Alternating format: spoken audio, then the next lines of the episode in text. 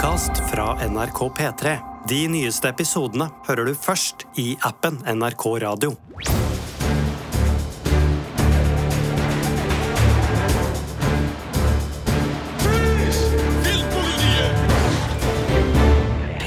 Velkommen til Filmpolitiets podkast i studio i dag. Birger. Sigurd? Og jeg som heter Marte.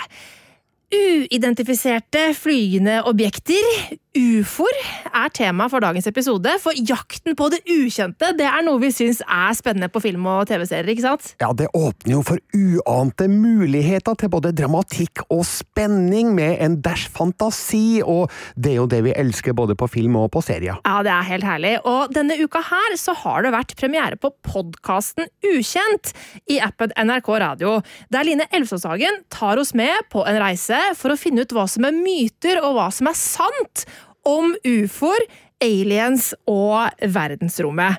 Bare hør på det her. Mr. Secretary, four of the five objects landed in the Pacific Ocean. The fifth one appeared to have broken apart. Du vet sånne filmer der jorda er i ferd med å bli besøkt av aliens, men at menneskene på filmen, altså vi, bare ikke har skjønt det enda? Well, sir, at this point, we're working on a couple of theories. We're looking at the very real possibility that this is legitimate extraterrestrial contact. De siste åra har jeg tenkt shit, hva hvis det ikke lenger bare er på film? Men hva hvis det er på film? For det er jo det vi skal snakke om i dag. Eh, altså eh, ufoer og aliens på filmer og eh, TV-serier. Jeg anbefaler for øvrig veldig å sjekke ut eh, Ukjent. Eh, men eh, dette med ufoer og aliens, vi syns jo det er veldig spennende, som vi nevnte innledningsvis, Birger. Og science fiction har jo eksistert i evigheter. altså I litteraturen så begynte det jo allerede på 1800-tallet, og så har vi jo hatt masse filmer på 30- og 40-tallet, liksom. Eh, Men på 50-tallet, da begynte det å ta av. Ja, det er riktig. Det er da det virkelig tok av, med spesielt kinofilmer da, om eh, Invasion from Mars og Flying Saucer Men, og jeg tror det sammenfalt med frykten for eh, atomkrig, som jo var ganske ferskt, og i USA så var de jo helt paranoide på grunn av eh, den invaderende kommunismen som de trodde var underveis. Vi husker jo at eh, eh, McCarthyismen eh, leita med lys og lykta etter eh, av kommunistpartiet blant amerikanske politikere, og i Hollywood så ble jo flere filmskapere svartelista fordi de var mistenkt for å ha sympati med kommunismen, og um, jeg tror at um, alle de her um, sci-fi-filmene som kom det tiåret, var et slags eh, tilsvar til det, da, eh, fordi eh, de invaderende romvesenene var på en måte en symbolikk da, for de eh, invaderende kommunistene som amerikanerne var veldig redde for. Ah, ikke sant? Og i 1951 så kom jo da The Day the Earth Stood Still, og det var vel en av de aller første Hollywood-filmene hvor det var flyvende tallerkener eh, på film. Ja, det er riktig, den ble en stor suksess, men den ble raskt etterfulgt av flere andre filmer det tiåret med lignende tema. Altså Samme år kom jo The Thing From Another World, som John Carpenter laga en fantastisk remake av i 1982, eh, som bare het The Thing. Den fikk jo også en eh, prequel eh, i 2000, og nå husker jeg ikke helt, 10-11. Ja, der ja. Med flere nordmenn eh, inne i bildet. Ikke like bra, men fremdeles interessant, altså. Eh, Og i 1953 kom både Invaders from Mars, eh, som Toby Hooper remaka i 1986, og It Came From Outer Space, som eh, en herremann ved navn Steven Spielberg var veldig fascinert av, det kan vi komme tilbake til senere, og, og samme år også The War of the Worlds, en, en av de aller beste eh, Invasion from Space-filmene det tiåret, som, som, som Spielberg faktisk eh, også da gjorde en remake av. Ja, for det her må jeg innrømme at jeg har jo ikke sett noen av disse 50-tallsfilmene, men jeg har jo sett eh, remakesene som har kommet. Har du sett noen av disse gamle filmene, Sigurd? Jeg, jeg har jo en, en fartstid på universitetet i, i filmvitenskap, så det har vært noen innslag der. Der, men, men jeg merker jo at Birger eh, har en, et engasjement og en kjærlighet for sjangeren som, som overgår eh, min, og du verden, Ja. det, er, det er godt å se at du, du lyser opp når du snakker om det her, Ja, Birger. jeg, jeg skal ikke skryte på meg å ha fullstendig oversikt over 50-talls eh, sci-fi-filmer, altså, men The War of the Worlds så jeg faktisk ganske nylig, for den har kommet ut på en veldig fint restaurert 4K Blu-ray-versjon, og det var en overraskende god film. Altså, den er et produkt av sin tid, men du verden hvordan de eh, hadde klart å lage spesialeffekter som eh, om ikke de holder seg den dag i dag, så var de i hvert fall effektive. Eh, Sett med datidas øyne, så må det jo ha vært helt eksepsjonelt å oppleve The War of the Worlds og den rominvasjonen som blir skildra i den filmen. Og det er jo som du sier, at dette med at det ble kanskje en slags symbolikk på det man kanskje ikke nødvendigvis fikk lov å lage filmer om i like stor grad. Eh, invaderende styrker eller frykten for invaderende styrker. Eh, og disse filmene sånn generelt sett er jo ofte ikke bare kanskje å snakke om en frykt for det ukjente, men en sånn fascinasjon for det ukjente. Eh, og jeg, Det er jo en av grunnene til at jeg har, blitt, jeg har hørt de to første episodene av Ukjent-podkasten og blitt helt liksom sånn inn i det og bare 'Å, herregud, finnes ufoer på ekte?' og sånn. Altså, hva tenker dere når dere ser sånne typer filmer? Blir dere fascinert sånn i virkeligheten? Altså, eh, En annen side av det er jo det muligheten for noe positivt. altså En eh, Steven Spielberg-film som ET. altså Det å få seg en venn Ja. fra det ytre rom kunne jo være noe man eh, ja, kunne, kunne sette pris på. altså Det trenger jo ikke å være noe, noe, noe skummelt som kommer der. Og så er det jo, altså for oss som er, er I hvert fall har vært Jeg merker jo at det er ikke så lett å, å si det så enkelt som jeg pleide å si det, men altså jeg har jo vært glad i underholdningsaspektet rundt konspirasjonsteorier tidligere. Nå lever vi jo i en verden hvor det har en litt annen smak, det, det må sies, men det der eh, hva hvis det kommer eh, romvesen til jorda, og liksom det militære og regjeringa får muligheten? altså Hva vil de gjøre? Vil de eh, holde det hemmelig? Undersøke? altså Vil de være hyggelige i møte med, med nye kulturer? Så har man jo også sånne eh, komedievarianter som Mars Attacks av Tim Burton, hvor kommunikasjon og, og det å si at du kommer i fred, men egentlig så sier du 'nice planet, we'll take it'. Så, så det er jo Ja. mange artige vrier som, som går rundt på der, men, men den konspirasjonsgreia syns jeg jo er spennende. For denne sjangeren den dreier seg jo rundt et stort spørsmål. Er vi alene i universet, eller er det noen der ute? Det er jo fremdeles ubesvart, eh, så vidt vi vet i hvert fall. Eh, Men hvis vi ikke er alene i verdensrommet, i universet, Eh, hva vil de med oss? Og vil de være våre venner, eller vil de være våre fiender?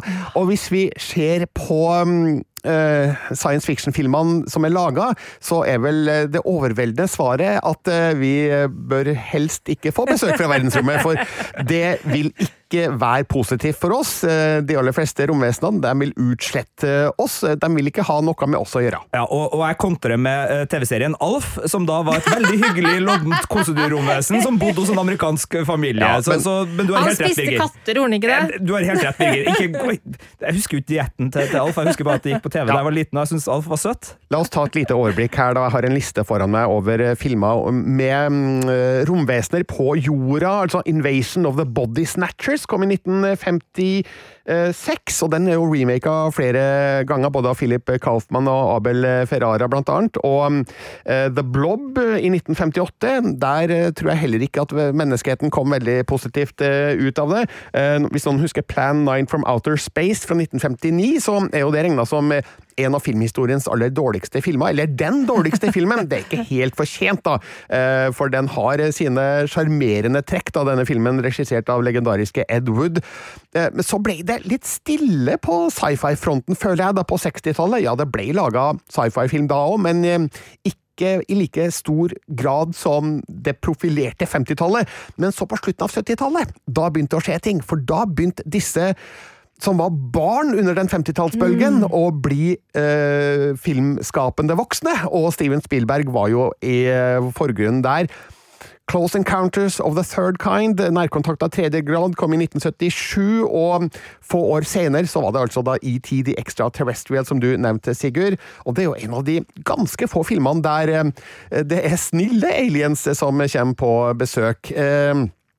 Nå skal det sies at eh, det kom et par filmer i kjølvannet av den også, eksempel Starman av John Carpenter fra 1984 med Jeff Bridges og Karen Allen, og, og det var jo en romanse mellom eh, ei kvinne fra jorda og mm, en alien fra verdensrommet. Eh, og så, eh, faktisk, i går da, så så jeg filmen Flight of the Navigator fra 1986, eh, som er en slags kopi av ET, som handler om en gutt som Får en venn fra verdensrommet, skal ikke si mer enn det. Eh, Faktisk en film som delvis ble innspilt i Norge, fant jeg ut eh, etter at jeg har sett den. da. Så det fins eksempler på filmer der eh, aliens er snille, men stort sett så er de da ikke det. Eh, Jeg nevnte The Thing, som ble remaka i 1982. Det er kanskje en av de aller, aller beste sci-fi-filmene som fins, satt på landjorda. Um, The Hidden og Predator eh, fra 1987 er jo to veldig gode sci-fi actionfilmer som jeg har sett massevis av ganger. Eh, Men i nyere tid, da, så er det jo kanskje filmer som Independence Day og Contact og The Fifth Element og Starship Troopers som Nå vet jeg ikke om jeg kan ta med Starship Troopers her, for den foregår ikke hovedsakelig på landjorda. Ja. men det, er, det, er det er nok konflikt der til at jeg, I'll allow it. Eh, Og så merker jeg at du hoppa over Mars Attacks når du nå rusha Ja, den, 90-tallet. den hadde du allerede nevnt. Ja, jeg hadde det, så da er det også greit. Men M. Night Shyamalan laga Signs i 2002 med Bell Gibson. Eh, Det var heller ikke en veldig positiv opplevelse for oss eh, mennesker. Um, Hvis vi da går enda litt lenger fram i tid Jeg har allerede nevnt War of the Worlds, da som Steven Spielberg gjorde en remake av i 2006. Fantastisk film som eh, har sett eh, tre ganger, og eh, som er enda bedre enn den originale, syns jeg, men det er jo kanskje fordi at eh, Spielberg var en litt bedre filmskaper og hadde litt større effektmidler til rådighet da, eh, til sin film. Um, skal vi nevne James Gunn, som jo nettopp har blitt DC-sjef? Eh, Ja, han har eh, tatt over for DC Comics som en slags sånn ledestjerne for deres satsing, satsinger. Han har jo gjort Jeg, jeg tenker umiddelbart på, på superhelter med, med James Gunn, men eh, hva, Nei, jeg, hva er det han er der? jeg tenker på debutfilmen hans, Slither, fra 2006, der det var jeg, jeg kan sammenligne dem med sånn mordersnegler da, fra verdensrommet. Som, eh, ja, det er jo en sci-fi-komedie, egentlig, det, da. Men, men du nevnte jo en film som jeg ikke har sett her, eh, Starman. Eh, og, og James Gunn har jo laga Guardians of the Galaxy-filmene. Ja. Jeg bare fikk en veldig vib vibb av Starman i eh, spesielt Guardians of the Galaxy 2, så, så det her er vel kanskje filmer eh, James Gunn hadde, hadde sett også, i likhet med deg, Birger? er ikke utenkelig. Nå, nå kunne jeg ha tatt med masse Marvel-film her òg, men jeg føler at de eksisterer liksom litt på sida av det som er temaet for denne podkasten, da. Eh, men der er det jo selvfølgelig også masse aliens, eh, delvis eh, på, på jorda. Men i nyere tid, da, hvis vi skal være litt sånn current eh, og aktuelle her, så er jo eksempel Cloverfield fra 2008 en eh, veldig god sci-fi-film. Og noen vil påstå, skal ikke nevne navn, noen vil påstå at Indiana Jones and The Kingdom of the Crystal Skull fra 2008 også er en god science fiction-film med, med romvesener på jorda. Ja, eh, sant. den har fått terningkast seks i Filmpolitiet, så Hva? det er noen som eh, mener det, og det, det, det. det er bra. Det er altfor mange filmer å nevne, her vet du. Jeg kunne nevnt Predators fra 2010, Attack the Block med John Boyega fra 2011, uh, Battle Los Angeles eh, fra samme år og Cowboys and Aliens fra samme år, så 2011 var en god sci-fi-tid. Og du hadde rett i at The Thing-oppfølgeren kom i 2011, ja, den med flere norske store navn på rollelista. Nemlig. JJ Abrams laga Super 8 i 2011, som jo var en eneste stor homasj til eh, Steven Spielbergs eh, alien-univers eh, på, på jorda, da. Eh, skal vi se Pacific Rim uh, syns jeg jo var veldig bra, av Guillermo del Toro. Eh, The World's End er jo en veldig morsom eh, sci-fi-film eh, som eh, beviser at det, det må ikke være seriøst når man lager sci-fi-film i våre dager. Rominvasjon sett fra baren er vel kanskje en eh, oppsummering av den filmen? Ja. Og så vet jeg at det er flere i dette studio som eh, liker mm, eh, Arrival fra 2016 av Denis Villeneuve. Ja, fordi altså, du nevnte dette med at det tar seg Altså, det går som regel litt skeis for oss mennesker når, eh, når romvesenene. Ja. Eh, Men eh, i Arrival så er det jo ikke nødvendigvis eh, eh, onde hensikter, men den er jo en skikkelig eh, fascinerende sak, eh, som virkelig stiller noen interessante spørsmål, og den er jo litt mer, hvis, hvis vi skal si litt mer sånn filosoferende type science fiction når det gjelder uh, ufoer og aliens som kommer til jorda. Ja, for det er jo et, et sånt kontrastpar der. Altså, Én ting er den frykten for det fremmede som styrte uh, kanskje Hollywood til å lage en del av disse filmene, filmene men tematiseringa av fremmedfrykt, altså xenofobien i det hele, er jo også et element som har kommet inn i, i, i flere filmer. og, og den, den, den, kontrasten, eller den duellen, da, er jo, er jo, veldig interessant også i det her tankegodset. og Både selvfølgelig i konkret altså uh, hvordan ville verden ha tatt imot uh, nye bekjentskaper, men også i hvordan uh, sci-fi-filmer om rominvasjoner kan egentlig handle om noe annet, og noe som er ja. mer nært oss, som du er inne på her. Ja, for det, det jeg synes er så kult med Arrival, er at én ting er jo den fremmedfryktdelen av det. satt veldig sånn i perspektiv ut ifra at da Amy Adams spiller en en uh, lingvistiker som blir hyra inn som tolk for å prøve å forstå uh, dette språket som disse merkelige romvesenene har.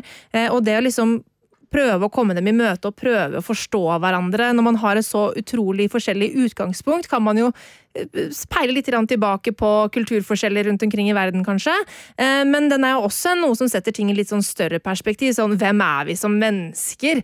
Eh, hvor er vi Altså, hva er tid og rom? Den er veldig sånn svevende og fascinerende. Mm. Jeg vet at eh, det er jo noen som kanskje syns den kan være litt kjedelig, har jeg hørt av folk jeg har snakka med, fordi den er veldig dvelende og rolig og sånn, men jeg syns den er så stemningsfull og fin. Ja, um jeg forstår ikke helt de som ikke liker Nei, Arrival. Ikke for dette er jo tenkende science fiction på sitt aller beste. Og ja, er ikke det bra, da? At jo. en film får oss til å Tenk over eh, egne liv og dagens aktuelle virkelighet, da, sett i kontekst av den historien som fortelles i for eksempel eh, Arrival. Jeg syns at det er virkelig godt å få litt eh, tanketung science fiction mellom all underholdninga, som også selvfølgelig er bra. Men jeg tenker jo at nå er vi inne i en ny periode som på en måte speiler 50-tallet, for vi har på nytt en, en frykt for uh, atomvåpen.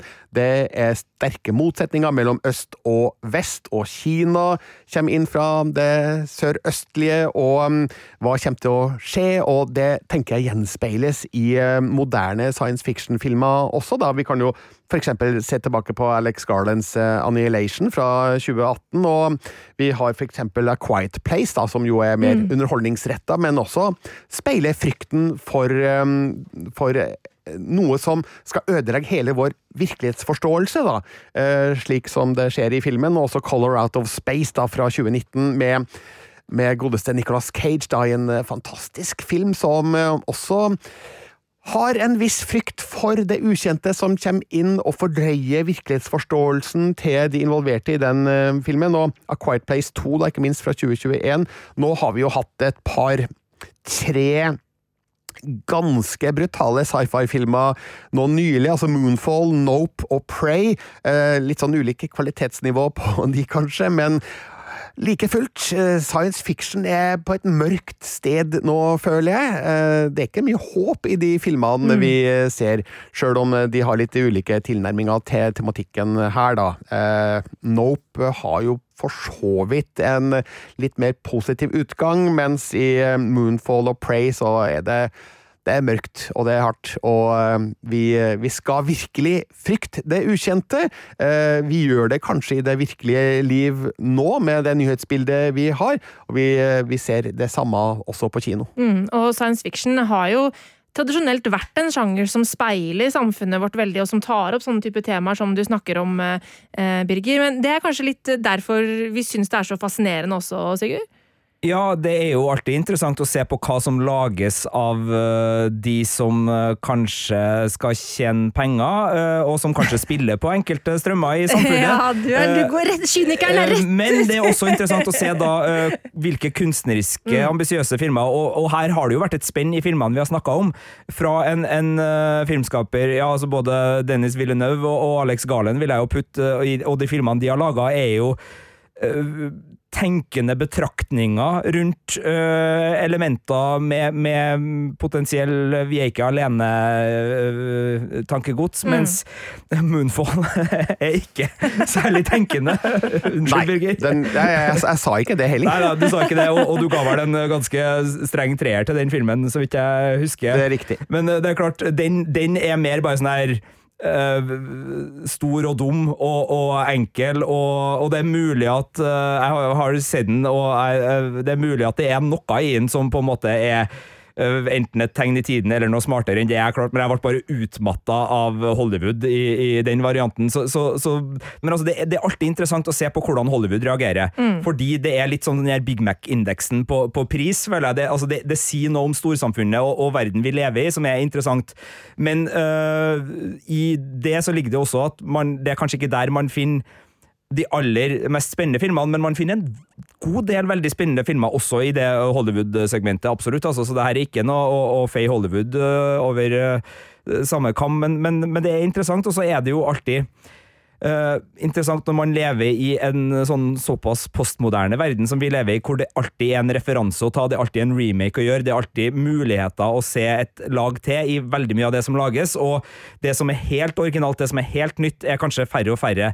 Da blir jo tolkningsmulighetene ganske store, og det at ulike grupper kan se den samme filmen med ulik oppfatning eh, vil jo også gi utslag, altså at man kan se eh, Man kan lese ulike ting inn i disse filmene, fordi at vi er et så medievant publikum. Vi har sett så mange ting som ligner, og vi kan liksom fange opp. Eh, og jeg syns jo det er interessant med, med filmer som som på en måte både kan oppleves som veldig mørk og veldig liksom sånn øh, øh, fryktdrevet. Samtidig så kan det liksom ligge ting i dem som, som gir håp, og som, som er nyanser i det, og som, som kan være nøkkelen. Og, og, og hva som er liksom frykten i dem, vil jo også kanskje være litt ulik fra ulike publikumsgrupper som, som ser det. Så, så det er jo en veldig rik sjanger i, i så måte, og med en gang den liksom går inn og, og blir noe mer enn bare eh, popkornunderholdning og, og stor Mm. kinounderholdning, så, så er det veldig interessant å plukke i sci-fi og også rominvasjonfilmer. En, en film jeg kjenner at jeg har lyst til å se igjen i den forbindelse, med tanke på altså, flyktningkrisa som eh, er meget tilstedeværende i verden i dag. District 9, for eksempel. eh, som rett og slett handler om en, en flyktningcamp eh, av aliens nedi er det i Sør-Afrika. Ja, Eh, riktig. sinnssykt bra film. Johannesburg, vel? Ja, Johannesburg er det vel, ja. eh, I Sør-Afrika. Og det er jo Neil Blomkamp som har den. Og Ja. den husker jeg, jeg lot meg så utrolig fascinere av den filmen, og ikke bare av eh, hvordan den var laga og hvordan den skildra den kulturen som var i den eh, flyktningleiren, eh, men, men bare av tematikken rundt og hvordan den knytter seg opp mot samfunnet vi lever i. Ja, jeg ga den terningkast fem da den hadde premiere i 2009. Jeg skrev at det var en av årets store opplevelser på kino, og um, jeg kalte den en dokumentarisk sci-fi som virkelig kicker ass. Mm. Veldig, veldig filmkritisk kritikersk eh, sagt. Ja, men i hvert fall, den var jo også produsert av Peter Jackson, så det var mange gode navn involvert eh, her, da. Eh, Og ja, som du sier, den hadde paralleller til mm, aktuelle hendelser i vår egen tid. Nå siterer jeg fra denne anmeldelsen. Eh, Og så var den jo også veldig heftig på actionfronten, slik at den, den gjorde to ting på en gang. Den speila vår egen virkelighet, samtidig som det var veldig god og effektiv underholdning. Og uh, jeg vet at jeg nå tyner strikken for denne podkasten, men jeg, bare, jeg har lyst til å bare nevne det, fordi um, Star Wars er jo også et uh, element som har uh, romvesen i seg. Og, og det der med liksom hva som er politisk og ikke av sci-fi, er jo alltid spennende. Og, og fordi Star Wars fremdeles holder på, og, og har nå f.eks. da med Andor en, en ganske sånn tydelig uh, politisk side i seg, uh, så er det jo interessant å liksom se hvordan da fans reagerer, men også uh, intervju med George Lucas som snakker om liksom sånn Ja, Vietnamkrigen var en viktig del i da han laga Star Wars i 1977, og, og liksom det, det hadde han i tankene da han liksom tenkte Rebels og, og sånne ting. Så det er uh, mye uh, politikk i, i disse sci-fi-filmene, både i hva folk tar ut av dem, og hva folk legger i dem. Og det er fascinerende hvordan det der både oppfattes såpass ulikt, og, og hva som uh, Ja. og, og ikke minst hva publikum forventer, da. For det er jo mange som liksom sånn Ikke putt politikk i underholdninga mi, jeg vil ha Og så Det er jo litt Ja. uidentifiserte flygende objekter i Star Wars også. What is it? Is, it the moon? Ja, ja. Nei, så, nå tok jeg det her til Star Wars, det men det var- så igjen det intervjuet som øh, går noen runder på internett nå, nettopp fordi at det har blitt aktualisert gjennom Andor, Ja. hvor da øh, George Lucas sitter i en intervjusetting og, snakker om sånn ja, ja, Vietcong, og ja, ja, det, det, det tenkte jeg på da jeg laga det her, så ja. Men det handler altså om ufoer og aliens som kommer til jorda i, i denne podkasten. Og vi har jo eh, vært igjennom en haug med titler her nå, veldig mye bra. Eh, men vi skal få lov til å trekke frem én sånn personlig favoritt eh, her. Og eh, jeg har lagt merke til at vi er jo en nostalgisk gjeng, vi tre. Så vi, vi skal litt tilbake. tilbake til, ikke til fremtiden, men til fortida her nå. Eh, Birger, hva er din personlige favoritt som du har lyst til å trekke frem i dag? Vi må tilbake til nærkontakt av tredje grad av Steven Spielberg, som kom i 1977. Jeg så den ikke da, for jeg var for ung, men tre år senere, altså i 1980, da kom den på kino igjen i en forlenga utgave. Jeg vet ikke om den ble da kalt Directors Cut eller noe, men en, en spesialversjon i hvert fall av nærkontakt av tredje grad. Da var jeg ti år, og jeg snek meg inn på kino fordi den hadde vel tolvårsgrense den gangen. Eh, Og det var en så sjelsettende opplevelse at eh, du vil ikke tro det. For da hadde jeg jo da, kanskje et år eller to før, sett den eh, norske TV-serien Blindpassasjer. oh, ja. Som for alvor eh, fikk meg på science fiction. Men da jeg så nærkontakt av tredje grad, så it blew my mind. Eh, det var en eh, mørk høstkveld, og eh, da filmen var over, så sykla jeg og kompisene mine hjem, eh, ca. 3,5 km fra sentrum til der jeg eh, bodde, og også eh, bor. Eh, og det var helt mørkt, ingen gatelys, og det var en stjerneklar natt, eller kveld, da, og vi sykla av gårde med nesa i sky, for vi var sikre på at hvert øyeblikk nå kom det til å komme et lys over himmelen som kom til å være en ufo. Det var vi helt stålsikre på, og det var bare en så fantastisk eh, opplevelse og et sånn minne som har satt seg, som eh, gjør at eh, nærkontakt av tredje grad har en spesiell plass i mitt eh, filmhjerte, altså. Og for de som ikke har sett den, så handler jo eh, filmen om eh, Roy Neary, spilt av Richard Dreyfus, og hans eh, familie, blant annet da kona Ronny, spilt av Terry Garr. Og noen uforklarlige hendelser i Indiana eh, som eh, tyder på at eh, vi kanskje har besøk fra verdensrommet. Eh, Roy Neary han har noen drømmer eller visjoner om et sted som han på en eller annen måte tror er viktig, og eh, han driver stadig vekk og lager tegninger av dette stedet. Han begynner å eh, lage eh, sånne leirfigurer av dette stedet, som viser seg å være et spesielt eh, fjell som eksisterer i virkeligheten. Og han trekkes på en måte dit av grunner han ikke forstår, men det forstår man jo når man ser filmen, for det ender jo med et storslagent møte med romvesener. Eh, Jeg regner med at veldig mange har sett filmen og vet hva det her går ut på. Men eh, måten det her fortelles på, det trigga i hvert fall min fantasi til, altså På en skala fra 0 til 100, så er vi på 100. Samtidig så var det nok et aspekt ved filmen som jeg ikke skjønte da som tiåring, men som jeg har skjønt etterpå. Eh, og det er jo at eh, det her er jo en veldig personlig film for Steven Spielberg, for den, den er inspirert av hans egne opplevelser som barn. Eh, han kommer jo fra Han er jo et skilsmissebarn, og eh, han har sagt sjøl at eh, en av de store inspirasjonene eh, ved siden av det var jo at han en gang ble tatt med av faren eh, utendørs eh, en mørk høstkveld for å se en meteorsverm. Og eh, det er jo også et bilde som kommer igjen da i filmen. Eh, og når man ser nærkontakt av tredje grad nå, så forstår man jo at um, det her er jo en sci-fi-historie med et nært og personlig bakteppe, for eh, det er jo samtidig historien om et eh, forhold og et hjem og en familie i oppløsning. Samtidig som det utenomjordiske skjer rundt dem. Så den fungerer på flere plan, da. Den er en underholdningsfilm, men det er også et eh, godt personlig drama i bånn her, som gjør at det her virkelig er en større filmopplevelse enn det jeg trodde det var da, i 1980. nå fikk jeg så lyst til å se den eh, filmen igjen. Jeg, jeg har ikke sett nærkontakt av tredje grad siden jeg var barn sjøl, eh, og det er jo kanskje litt sjukt. Eh, jeg hadde jo en, eller jeg har en mor som alltid har vært veldig opptatt av det ukjente, og som elsker sånne type ufo-filmer og alt mulig sånt, så jeg husker at eh, jeg så den med henne da jeg var barn, men i likhet med deg da, så var jeg veldig liten, så jeg syntes det var veldig spennende og alt mulig sånt, men jeg forsto jo sikkert ikke alle aspektene ved det. Eh, men jeg, det jeg husker best, er selvfølgelig disse tonene som går igjen i musikken. Da, da, da. Og nå føler jeg at eh, jeg må- den her er- jeg skal se den igjen i kveld. Jeg. Det må du virkelig gjøre, og så må du huske at eh, filmmusikken den er laga av John Williams. Åh, ikke sant, det er helt nydelig. Og uh, Nærkontakt av tredje grad finner man uh, til leie, uh, der du leier filmer på internett. Så det er bare å gjøre det der. Fra 70-tallet skal vi til eh, hvor, Sigurd? Din, eh, ditt tips i dag, og din personlige favoritt? Nei, vi skal til 90-tallet og tidlig 2000-tall øh, og til TV-skjermen. Det har jo vært veldig mye fokus på film her, med rette. Men for meg så er jo en av de tingene jeg tenker på med en gang det her temaet kommer opp Ja, det har riktignok kommet filmer i det her universet også, men det er et serieunivers.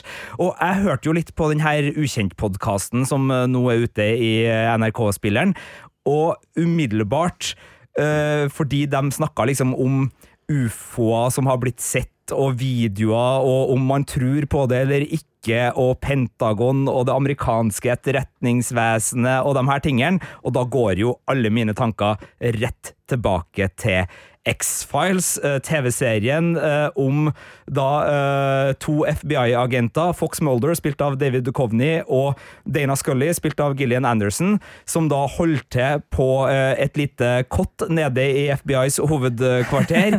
Keep your friends close, keep your enemies closer, blir sagt fra ledende folk i, oppe i den skjulte FBI-toppledelsen, for det her er da to stykker som etterforsker det ukjente, disse X-filene som, som ikke lar seg oppklare som vanlige saker, og i spesielt da de to første episodene, og som en rød tråd gjennom hele X-Files, så ligger uh, ufoen uh, som et sentralt element, og ikke minst da uh, kontakt med det, det ukjente. Det blir jo etter hvert en, en serie fullt av såkalte Monster of the Week-episoder, hvor veldig mange typer, enten det er kunstig intelligens, det er vesener som har overnaturlige elementer i seg, de dukker opp, og, og det gir noen veldig gode episoder, men gjennom uh, sesongene og, og hele veien så ligger da denne konspirasjonen om at uh, det er allerede uh, kontakt med det utenomjordiske, og, og liksom dukker opp da i, i sånne små støt. Og det som er interessant, er jo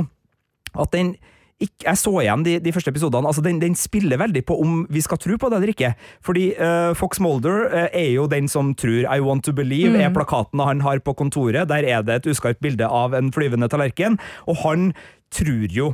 Men eh, Dana Scully, som da er vitenskapsperson i det her, er skeptisk. og holder det hele tilbake i en sånn der Ja, men hva om det var et sånt fenomen? Hva om det du så, var det? Og det spillet er jo kjempegodt. Og, og som sagt, så igjen de fire ufo-episodene i sesong én uh, i går, før vi skulle gjøre det her. og Altså, Jeg skal ikke si at det har holdt seg eh, på den måten at det liksom er Det hadde blitt sendt på TV i dag, og ingen hadde eh, reagert, men, men det, det har holdt seg på, på, på mange vis. Det er så interessant. altså Her har du eh, journalister som driver med sin egen lille liksom, undersøkelse, altså The Lone Gun uh, Men er det hva de heter i, i det her, og du har liksom folk der ute som, som er, reiser rundt i sine campingvogner med masse avlyttingsutstyr, og som driver på for seg sjøl fordi de tror så gæli. Men det er sånne tinfoil-folk, sånn som Line også snakker om i det- Du har Ukjent-podkasten. og så har du liksom uh, regjeringa som, om det nå er øh, ufoer og aliens de faktisk dekker over, eller at de også har uh, gode grunner til å la enkelte folk tro at det fins. Det vet vi jo ikke uh, nødvendigvis i, i starten av X-Files, men du har liksom i hvert fall veldig mye sånn og vi kom tilbake til motellrommet, og alle bevisene var borte. Altså Du har det der at det er noen som driver og jobber imot de som etterforsker sannheten. De som er på jakt etter sannheten. The truth is out there. De har motstandere. Og som jeg sa innledningsvis, det å gå tilbake og se det her som for meg da på 90-tallet var skikkelig gripende og spennende underholdning, har en litt annen smak i dag, fordi konspirasjonsteorier har en litt annen posisjon i nyhetsbildet i dag, hvor vi ser annet et USA da, som virkelig er prega av konspirasjonsteorier på en helt annen måte enn det var da, og, og medieforakten en helt annen enn at det liksom er alternative medier i denne serien som kan tilby en, en, et annet svar, og at media blir liksom brukt av myndighetene for å holde ting ned. Men altså, nå er det jo et, en helt annen sånn bilde, så, så det gjør jo at X-Files sitter litt annerledes, spesielt da i sine innledende sesonger. Den har jo også hatt nyere sesonger nå så sent som i for, nei, 2018 var vel det Mm. siste sesong. Men, men det, det gjør opplevelsen litt annerledes, men den gjør den også veldig interessant. Det er interessant å gå tilbake og se X-Files fra eh, 2022, nettopp fordi vi, vi lever i et annet verden, og, og som Ukjent-podkasten også tar opp, altså det her er ikke ting som har gått bort, og her name-droppes jo Area 51, Roswell, New Mexico i løpet av de første episodene, så det er jo rett inn i den materien om at har det vært uh, ukjente her, og hva har i så fall USAs regjering, og eventuelt i samarbeid med andre store internasjonale regjeringer, Birger du var inne på det, det er mange, mange store nasjoner som, som kan ha militære, som kan ha hatt noe med det her å, å gjøre, og det synes jeg er veldig fascinerende, og så er det jo en bonus her, den stemmen, uh, for oss som husker TV 2, uh, som sa du tror det ikke før du får se det. Det var jo Knut Risan. Selveste fortellerstemmen i Tre nøtter til Askepott. Så der har du en liten uh, kuriosa tidbit som, som vil løfte uh, X-Files-minnene for dem som så det, i hvert fall på, på TV2. da. Torsdagskveldene 21.45 for ei tid. Nå er det altså elleve sesonger av eh, The X-Files, og det finnes to filmer. En fra 98 og en fra 2008, og alt er ute på Disney pluss. Men skal vi pløye oss gjennom alt det her en gang til? Altså, øh, Det er jo øh, en serie som har gitt øh, veldig mye, selvfølgelig, både fordi X-Files i seg sjøl er bra.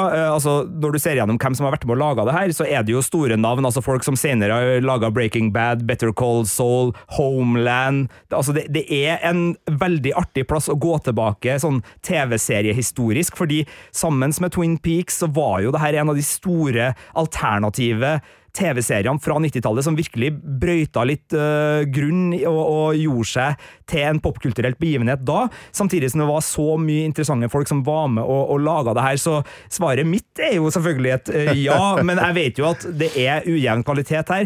Det er såpass mange gode guider på hva som er verdt å se av X-Files-episoder der ute på internett, at jeg ville ha gått for en av dem. Du kan enten bare se Rød Trø-episodene, som, øh, som da holder oss i liksom konspirasjonstråden med uh, utenomjordisk øh, mulig utenomjordisk juridisk påvirkning, men det er også veldig mange gode enkeltepisoder av Monsters of the Week, men det er jo ikke det den podkasten her handler om, så dem skal jeg kanskje holde meg eh, spa, Spar til en, til en annen gang. Men nå er jeg veldig spent eh, på din favoritt, eh, Marte. Altså science fiction med romvesener på jord, jordoverflata. Ja, altså, eh, da skal jeg til den jeg da vil kalle for the big one. Eh, Og du nevnte Area 51, og eh, Area 51 er også meget involvert i denne filmen her. Jeg var elleve år da jeg så den. Av type uh, ufo-filmer så hadde jeg jo da sett Nærkontakt av tredje grad, jeg hadde sett uh, ET. Uh, og så fikk jeg da lov å være med mamma på kino i Colosseum, sal 1, på det store lerretet, som elleveåring, og se Independence Day da den kom.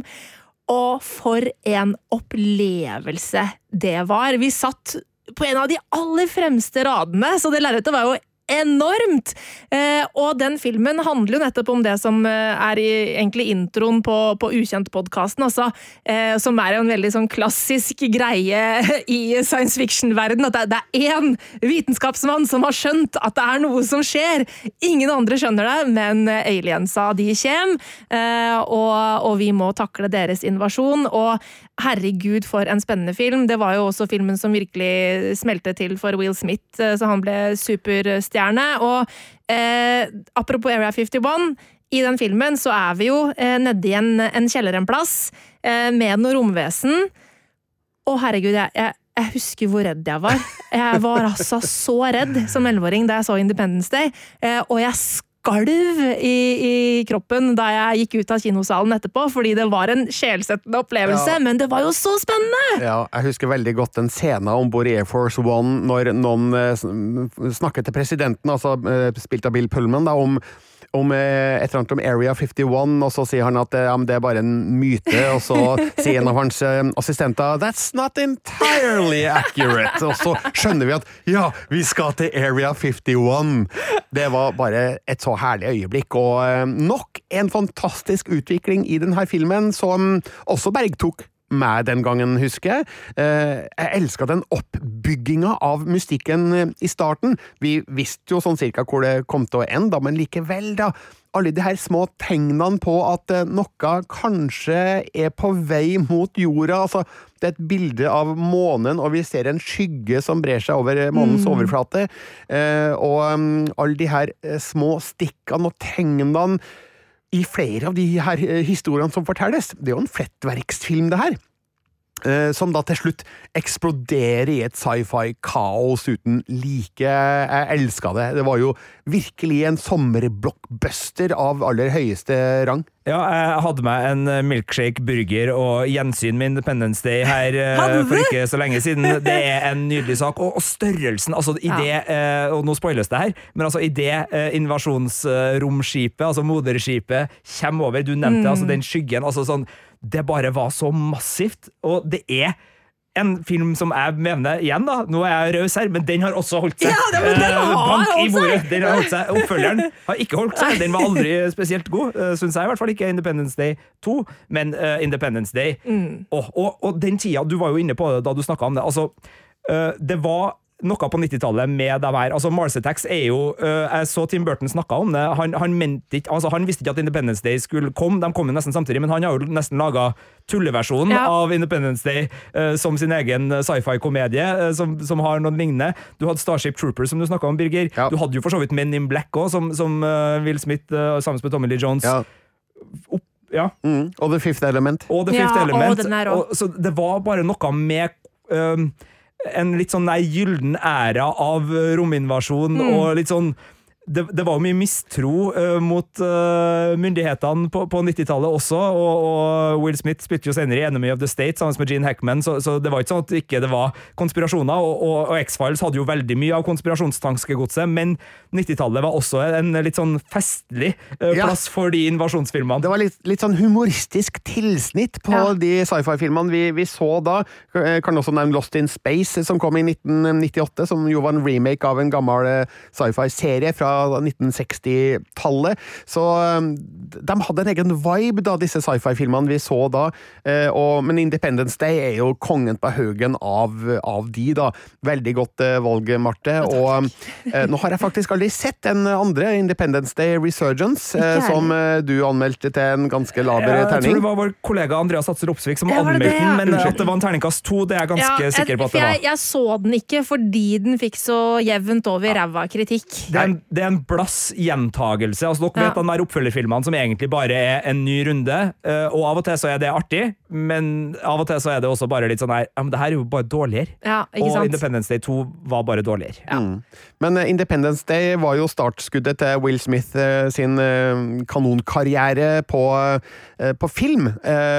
Og den scenen vi husker aller best, er jo når han klasker trommesen i trynet og sier 'Welcome to Earth'. Ja. Og, og nå har han avslutta karrieren sin på på lignende måte. Nei da, eh, kanskje ikke. Han kommer jo med en ny film eh, faktisk eh, Ja, nå på slutten av eh, året, så vi får se da om eh, det er eh, håp for Will Smith sin karriere, men eh, jeg føler at det, var en sånn, eh, sånn bookends eh, her, da, mellom eh, slaget i Independence Day og slaget på Oscar-utdelinga. Sånn ringen er slutt ute. Og hvis du har lyst til å se Independence Day, så ligger den altså på Disney Pluss, eller så kan du leie den overalt hvor du finner strømmefilmer. Og på Disney Plus ligger også eh, alle sesongene av The X-Files. Ikke sant.